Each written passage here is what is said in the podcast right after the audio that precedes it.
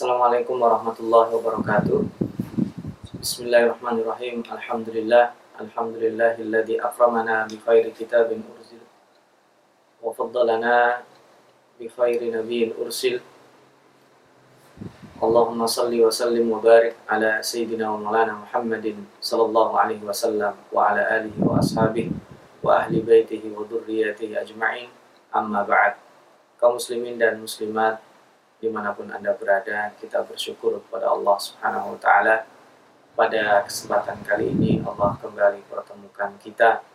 Mudah-mudahan detik demi detik yang telah kita lalui uh, bermanfaat, mobil khusus dalam menggapai ridho Allah Subhanahu wa taala. Dan apa yang kita lakukan di uh, detik ini pada kesempatan kali ini tidak lain dan tidak bukan adalah menyambung dari masa lalu yang telah kita lewati menggapai masa depan yang uh, serba gaib dengan uh, kemampuan yang Allah berikan. Mudah-mudahan Allah SWT mempertahankan keistiqomahan kita. Allahumma amin. Pada kesempatan kali ini kita mulai uh, sebuah surat yang baru setelah kita selesaikan surat Ali Imran. Bismillah ta'ala pada kesempatan kali ini pada halaqah Tadabur Al-Quran yang seri ke-77 kita akan membahas surat An-Nisa. Surat An-Nisa uh, adalah sebuah surat yang menggambarkan uh, sebuah tatanan sosial yang sangat besar Menariknya Allah Subhanahu wa taala menamakan surat uh, yang demikian besar bahasanya dengan surat An-Nisa. Berarti ada unsur penting yang diperhatikan Allah di sini yaitu perempuan. Sebagai makna maklum bahwa perempuan di era uh, jahiliyah sebelum Islam khususnya yang terjadi di semenanjung Arab perempuan sangat uh, tidak dihargai sebagai manusia. Mereka dianggap sebagai properti yang bisa diwariskan ketika seorang laki-laki memiliki istri lebih dari satu, maka jika dia meninggal, istri yang kedua dan yang kesekian secara otomatis diwariskan kepada anak laki-laki dari istri yang pertama. Demikian juga mereka uh, bahkan dikenal dalam salah satu uh, sejarah yang gelap. Uh, ada istilah waktu banat, bagaimana orang-orang Arab itu membunuh anak anak bayi mereka setelah diketahui memiliki anak perempuan yang seolah-olah tidak bisa diharapkan kebaikannya. Nah, Al-Quran di sini ingin mengangkat derajat uh, perempuan dengan membahas uh, pernik-pernik yang dialami perempuan di masa itu dan kemudian Allah uh, gabungkan antara satu puzzle dengan puzzle yang lainnya menjadi sebuah kekuatan yang dahsyat bahwa jika penghargaan terhadap perempuan ini dimaknai sebenar-benarnya, maka peradaban uh, manusia uh, yang dipimpin oleh umat Islam akan menjadi uh, peradaban yang dicontoh oleh banyak orang. Baik, kita akan mulai menadaburi surat uh, An-Nisa, surat yang dimulai dengan uh, panggilan untuk segenap manusia. A'udzubillahi minasyaitonirrajim. Bismillahirrahmanirrahim. Ya ayyuhan nasu taqu rabbakum alladhi khalaqakum min nafsin wahidah wa khalaqa minha zawjaha wa batha minhuma rijalan katsiran wa nisaa. Wattaqullaha alladhi tasaaluna bihi wal arham. Innallaha kana 'alaikum raqiba. Allah Subhanahu wa taala memulai panggilan dengan ya ayyuhan nas. Artinya bahwa peraturan Allah Subhanahu wa taala yang melalui umat Islam ini akan disampaikan kepada seluruh manusia. Dan sebagaimana diketahui, panggilan ya ayuhan nas hanya diulang di dalam Al-Quran sebanyak 20 kali saja. Berbeda dengan panggilan ya ayuhalladzina amanu yang termaktub di dalam surat-surat Al-Quran sebanyak 89 kali. Nah, menariknya adalah ketika ya ayuhan nas, wahai manusia semuanya, uh, Allah Subhanahu wa taala mengirim pesan ittaqu rabbakum. Manusia siapa pun orangnya disuruh bertakwa kepada Allah Subhanahu wa taala. Dan yang menciptakan uh, semua dari satu nafas, satu nafs. Yang dikatakan di sini adalah jiwa yang satu, yang kemudian dari jiwa yang satu itu Allah jadikan pasangan hidupnya dan dari mereka akan terlahir laki-laki dan perempuan yang sangat banyak Kemudian Allah Subhanahu wa taala uh, mengulang perintah uh, bertakwa kepadanya. Kalau yang pertama tadi adalah ittaqu rabbakum. secara umum. Maka yang kedua adalah ittaqullah Allah Subhanahu wa taala alladzi tasaaluna bihi wal arham innallaha kana 'alaikum raqiba secara spesifik memiliki perbedaan antara perintah bertakwa yang pertama untuk semua manusia dan wattaqullaha perintah bertakwa yang kedua secara spesifik pada Allah Subhanahu wa taala. Karena dengan Allah Subhanahu wa taala kita uh, saling uh, mendekatkan dengan sesama uh, dawil arham yang uh, mempunyai hubungan kekerabatan. Ini yang pertama. Yang kedua, Allah Subhanahu wa taala mengatakan di akhir ayat ini, "Innallaha kana 'alaikum raqiba." Allah akan senantiasa mengawasi uh, kita, siapa pun kita, meskipun kita ini asalnya dari satu, tetapi nanti Allah akan memintai pertanggungjawaban kita personal personal di satu-satu. Kita hidup secara berjamaah, tetapi nantinya uh, Allah akan uh, mengurai, Allah akan mengevaluasi person to person. Nah, uh, di ayat kedua Allah langsung menggelitik satu kebiasaan buruk yang terjadi di masa itu, yaitu membicarakan tentang anak-anak yatim. Allah langsung memerintahkan wa atul yatama amwalahum wa la tatabaddalul khabitha bit ولا تأكلوا أموالهم إلى أموالكم innahu kana huban kabira oh, huban kabira Allah memerintahkan supaya uh, umat Islam di zaman itu dan manusia secara umum meskipun ini konteksnya adalah ketika manusia uh, yang dihitobi oleh Allah SWT di sini ya manusia yang ada di sekitar Rasulullah SAW. Nah ini Maksudnya apa? Maksudnya umat Islam yang tahu hukum ini harus menyampaikan kepada manusia secara umum. Itu apa? Bahwa anak-anak yatim ini harus diberikan hartanya kepada mereka. Cara memberikannya juga e, bertahap. Ketika mereka mempunyai harta yang sangat besar, sementara mereka masih kecil, maka cara memberikan harta juga bertahap. Mereka diasuh, dikafil, maka nanti sampai kemudian mereka e, bisa menggunakan uh, uangnya atau hartanya itu nanti akan ada prosedur yang uh, dijelaskan oleh Allah Subhanahu wa taala. Wala tatabaddalul khabitha bit jangan diganti uh, satu hal yang uh, buruk dengan yang baik dalam artian kebiasaan-kebiasaan uh, uh, yang telah terjadi di tengah masyarakat itu uh, harus diluruskan. Nah, dan Allah memperjelas di pada pada potongan ayat berikutnya wala takulu amwalahum ila amwalikum jangan uh, kalian makan harta mereka jadikan satu dengan harta kalian sesungguhnya itu adalah satu uh, hal yang uh, dibenci oleh Allah kedaliman yang sangat besar. Nah, yang menarik adalah ketika kita menghubungkan ayat kedua dengan ayat ketiga. Ayat kedua seolah-olah membicarakan anak yatim secara umum. Tetapi ketika kita membaca ayat ketiga kita akan terbelalak. Kok tiba-tiba Allah membicarakan tentang anak yatim yang perempuan.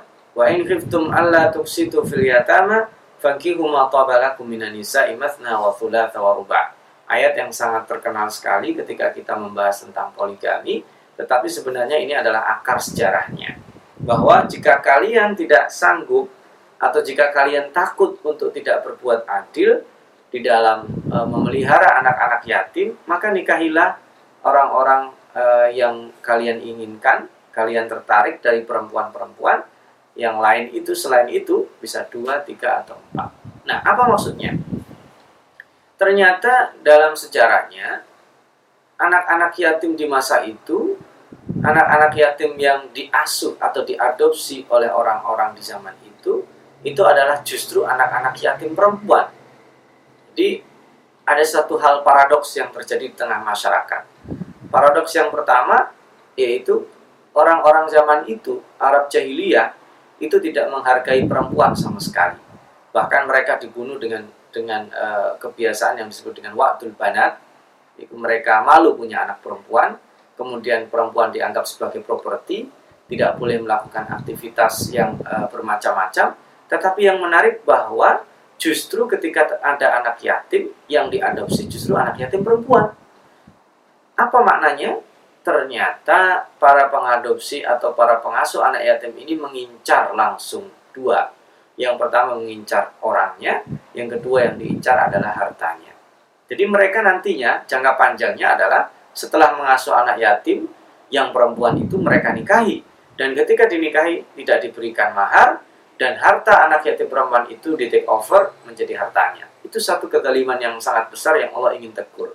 Jika kalian takut atau jika kalian dikhawatirkan tidak bisa berbuat adil mengembalikan harta anak yatim yang kalian asuh tadi, kemudian kalian ingin menikah dengannya, sebaiknya tidak dilakukan.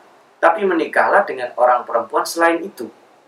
Nah, jumlahnya bisa dua, satu dengan yang ada, berarti tambah tambah satu jadi dua, atau tiga Eh, dengan yang sudah ada atau empat dengan yang sudah ada itu jumlahnya maksimal empat. Nah ini yang menarik Al-Quran menggunakan huruf wawu di sini yang berarti uh, bukan lil jam tapi lil ikhtiar. Bahwa masna wa thulatha wa ruba kalau diartikan letter lek wawu artinya dan berarti nikahilah uh, perempuan yang kalian inginkan selain perempuan anak yatim tadi. Dua masna wa thulatha dan tiga dan empat. Itu salah penafsiran. Tapi dua itu maknanya adalah satu dengan yang ada kalau kalian sudah. Dua maknanya adalah menikahlah dua selain dengan uh, anak yatim perempuan yang uh, kalian punya keinginan yang busuk. Karena pada hakikatnya pernikahan itu ditujukan untuk uh, mengambil hartanya. Nah, angka empat adalah jumlah maksimal seorang lelaki uh, diperbolehkan menikahi perempuan di dunia. Nah, ini tentunya membicarakan ayat ini tidak bisa uh, sendiri ketika kita berbicara tentang poligami. Karena ada ayat lain yang membicarakan poligami tetapi uh, beda uh, trigger dan uh, sudut pandang. Kalau ini pembicaraannya adalah tentang sejarah bagaimana Allah SWT mengangkat uh, perempuan dari kenistaan yang uh, tidak dihargai sebagai manusia kemudian diangkat berubah menjadi perempuan yang bermartabat Berbeda dengan uh, kasus poligami yang uh, bermula dari nusus uh, seorang laki-laki terhadap istrinya yang dibahas di ayat 128. Nah, mungkin ketika kita akan sampai ke ayatnya kita akan singgung kembali. Nah, wa in khiftum alla ta'dilu fawahidatan aw ma malakat aymanukum jika kalian takut, jika kalian khawatir tidak bisa berbuat adil fawahidah, maka satu sebagai istri sudah cukup dan uh, budak yang kalian miliki. Dalika adna Allah ta'alu itu dah uh, serendah-rendahnya atau uh, paling sedikitnya uh, kalian bisa menanggung, bisa berbuat adil, bisa menghindari kezaliman. Wa atun nisa asaduqatihinna nihlah ini adalah kewajiban seorang lelaki ketika menikahi seorang perempuan maka dia keluarkan uh, maharnya. Fa inti benalakum an syai'im minhu nafsan fakuluhu hani'an mari'ah dan nanti seandainya para istri memberikan sebagian harta eh, maharnya kepada kalian eh, sedikit atau sebagian atau mungkin semuanya maka kita diperbolehkan menerima pemberian itu. Tapi tidak dibenarkan bahwa jika seorang laki-laki membayar mahar kepada perempuan kemudian maharnya tersebut diminta kembali. Karena itu adalah hak istri ketika dia menikah maka mahar itu bisa diberikan oleh istri sebagai pemberian atau sedekah, tetapi sebagai suami tidak berhak dan tidak boleh meminta harta yang sudah dia berikan. Kaum muslimin dan muslimat yang dirahmati Allah Subhanahu wa taala, ini yang luar biasa. Allah membicarakan uh, dua hal sekaligus dalam uh, satu tema. Yang pertama, Allah memberi batasan uh, jumlah perempuan yang bisa dan boleh dinikahi seorang laki-laki. Yang kedua dalam hal ini Allah ingin mengentaskan kezaliman yang diterima oleh perempuan khususnya adalah anak-anak yatim pada waktu itu.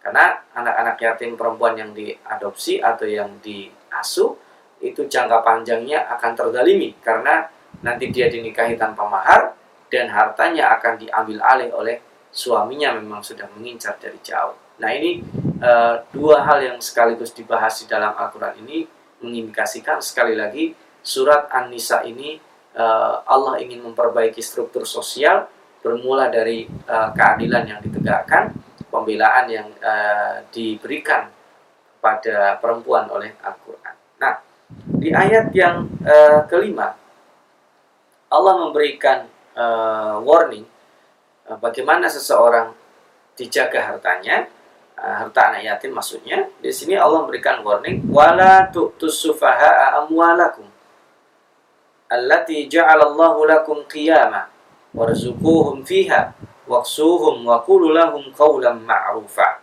Dan jangan kalian berikan harta kepada orang-orang yang tidak faham. Jadi ketika anak yatim itu harta hartanya dipegang, kita jangan memberikan hartanya secara langsung kepada mereka. Dalam artian ketika mereka masih kecil dengan diberikan harta yang banyak, mereka tidak bisa membuat planning dengan uang yang luar biasa banyaknya itu. Maka di sini eh, Allah Subhanahu wa taala menggunakan kata ganti langsung eh, yang kedua wala tu'tus sufaha'a amwalakum allati ja'alallahu lakum qiyama warzuquhum fiha waqsuhum wa qulu lahum qawlan ma'rufa. Jadi cara mengasuh anak yatim ketika dia masih kecil belum paham uh, interaksi dengan keuangan, maka berilah makan, berilah kebutuhannya, tapi mereka uh, sambil dilatih cara mengelola keuangan yang baik. Karena pengelolaan keuangan yang baik itu sebagai trialnya, sebagai percobaan adalah harta kalian. Uh, yang tadi adalah kalian sebagai pengasuhnya. Maka di sini perkataan amwalakum adalah kita sebagai uh, pengasuhnya, bukan harta mereka. Nah, lalu kita diperintahkan atau orang yang mengkafil anak yatim itu diperintahkan untuk mengetes. Yatama hatta idza balagun. Maka ujilah mereka sampai ketika mereka uh, dalam tataran sampai pada usia yang sudah siap menikah. Fa in anastum minhum rusda fadfa'u ilaihim. Jika kalian merasa, jika kalian sudah anggap, jika kalian sudah uh, me mengatakan bahwa mereka itu sudah sampai kepada umur dewasa, uh, sampai kepada memahami interaksi keuangan, maka di sini dikatakan fadfa'u ilaihim. Maka harta yang dia punya ya harus dikembalikan, bayarkan. Misalnya anak yatim ini dia mendapatkan warisan atau punya harta dari orang tuanya sebesar sekian. Itu kita keep. Kita keep untuk nanti diberikan pada saat anak yatim itu sudah sampai pada usia yang dia paham berinteraksi dengan keuangan. Wala ta'kuluha israfan wa ayyak baru. Jangan dimakan harta itu dengan berlebihan. Maksudnya apa? Kita di dalam mengasuh anak yatim sebenarnya diperbolehkan untuk menggunakan harta mereka. Tapi Allah Subhanahu wa taala di sini menegaskan ada dua yang menarik.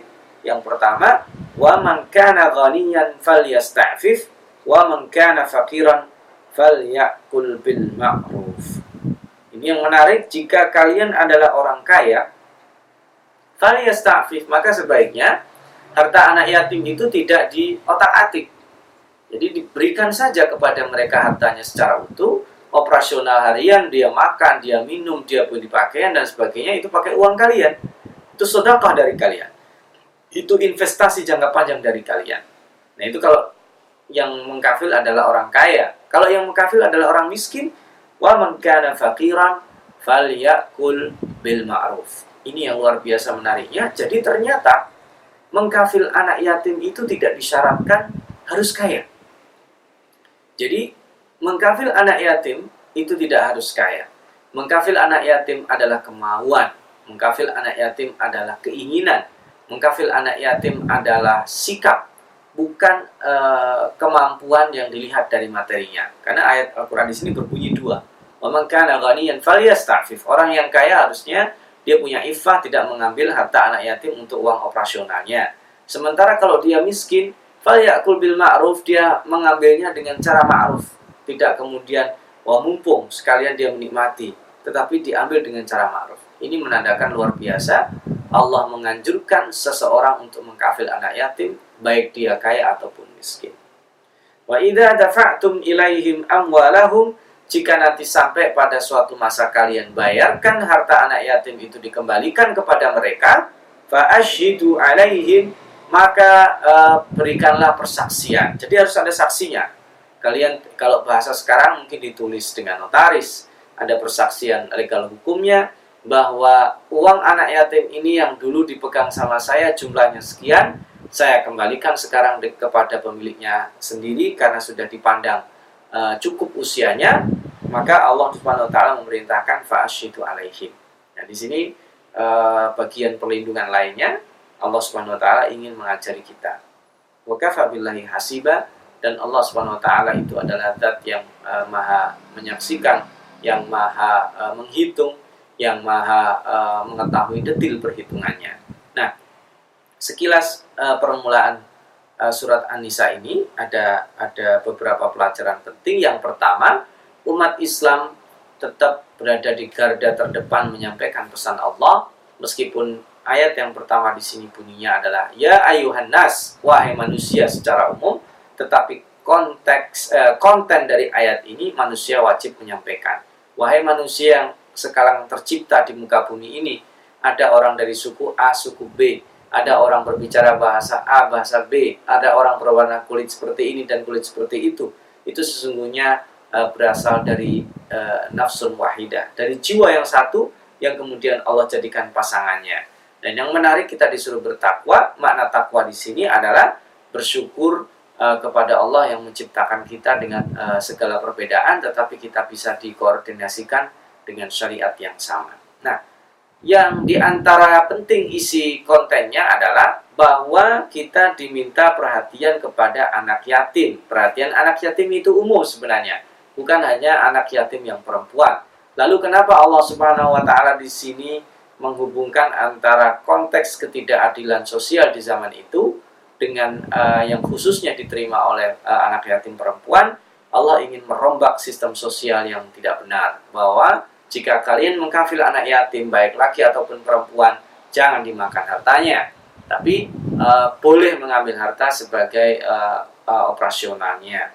Nah, tetapi kalau seandainya nanti orang menikahi yatim yang dia asuh itu, maka harusnya dinikahi dengan bayar mahal. Tapi sebaiknya kalaupun dia ingin menikah, dia cari perempuan yang lain. Dan perempuan yang selain mereka kan banyak.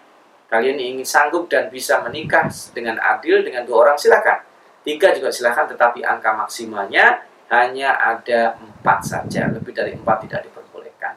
Jadi karena ketika Allah e, memberikan penjelasan e, jubiliyah terhadap fitrah syahwat minan nisa dalam surat Ali Imran bahwa sesungguhnya e, secara personal laki-laki itu diciptakan memiliki syahwat terhadap perempuan. Makanya laki-laki ini e, diberikan e, kelonggaran untuk melakukan poligami, punya istri lebih dari satu. Tetapi sebenarnya pembahasan poligami ini akan e, uh, akan sangat parsial kalau kita melihat ayat ini saja karena nanti ada kelanjutannya di ayat 128, 20, 129, 130 dan seterusnya. Nah, maka konteksnya adalah di sini bahwa uh, pilihan selain anak yatim perempuan itu banyak. Tapi sebanyak-banyaknya tetap maksimal adalah empat. Ini poin yang kedua. Yang ketiga, nanti uh, dalam pembayaran atau mengembalikan hak anak yatim itu e, dianjurkan untuk e, menulis persaksian. Dan ini adalah legal. Nah, ini juga bentuk perlindungan terhadap anak yatim dan khususnya adalah anak yatim perempuan yang e, dalam hal tertentu di dalam konteks sejarahnya dia ditipu atau diperdaya karena yang diambil sesungguhnya adalah hartanya dan orangnya juga nanti akan terdolimi secara otomatis. Nah yang terakhir Allah swt memberikan dua kata yang luar biasa uh, dua susunan kata. Yang pertama mengkana ghaniyan falyastafif wa mengkana fakiran falyakul bil ma'ruf. Bahwa orang yang kaya dalam mengasuh anak yatim itu harusnya punya ifa. Dia nggak perlulah ambil itu harta anak yatim.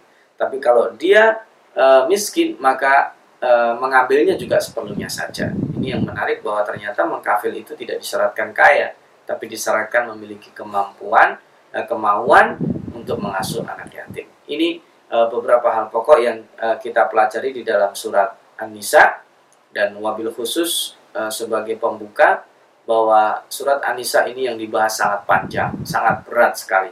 Pembahasan dimulai dari uh, asal penciptaan manusia yang kemudian mengangkat ketidakadilan, ketidakadilan uh, sosial yang dialami oleh perempuan di zaman itu, kemudian uh, khususnya oleh anak yatim yang perempuan, kemudian uh, proses bagaimana mengembalikan kemampuan uh, dia berinteraksi dengan uh, kemampuan ekonominya.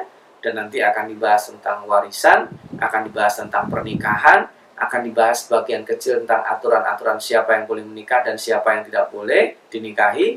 Dan aturan-aturan di dalam rumah tangga, kepemimpinan dalam rumah tangga, bahkan sampai aturan yang lebih besar. Karena di sini nanti juga akan dibahas ketika terjadi konflik senjata dengan non muslim uh, dan seterusnya termasuk dengan ahli kitab, interaksi Allah Subhanahu wa taala membahas secara uh, penuh di dalam surat yang sebenarnya surat ini membahas tentang tatanan sosial yang ideal dalam uh, pandangan Islam, tetapi kenapa Allah berikan nama An-Nisa?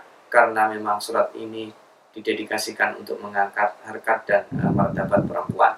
Mudah-mudahan dengan kajian uh, singkat kita di Alaqa uh, Tadabur ke-77 ini dapat membuka uh, wawasan yang lebih luas khususnya mulailah kita berinteraksi dengan perempuan yang ada di rumah kita.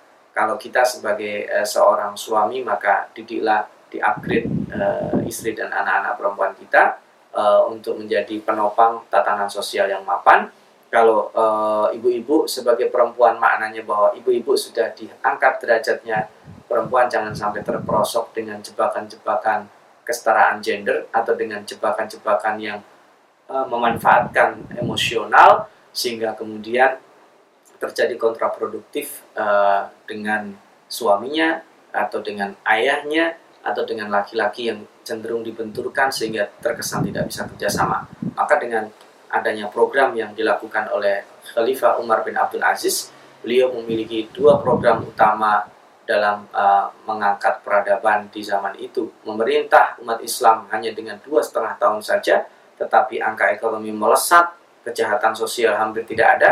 Program utama beliau cuma dua. Satu, menikahkan semua pemuda, baik yang laki-laki maupun perempuan. Jika dia bertemu seorang pemuda, dia akan tanya, sudah menikah atau belum?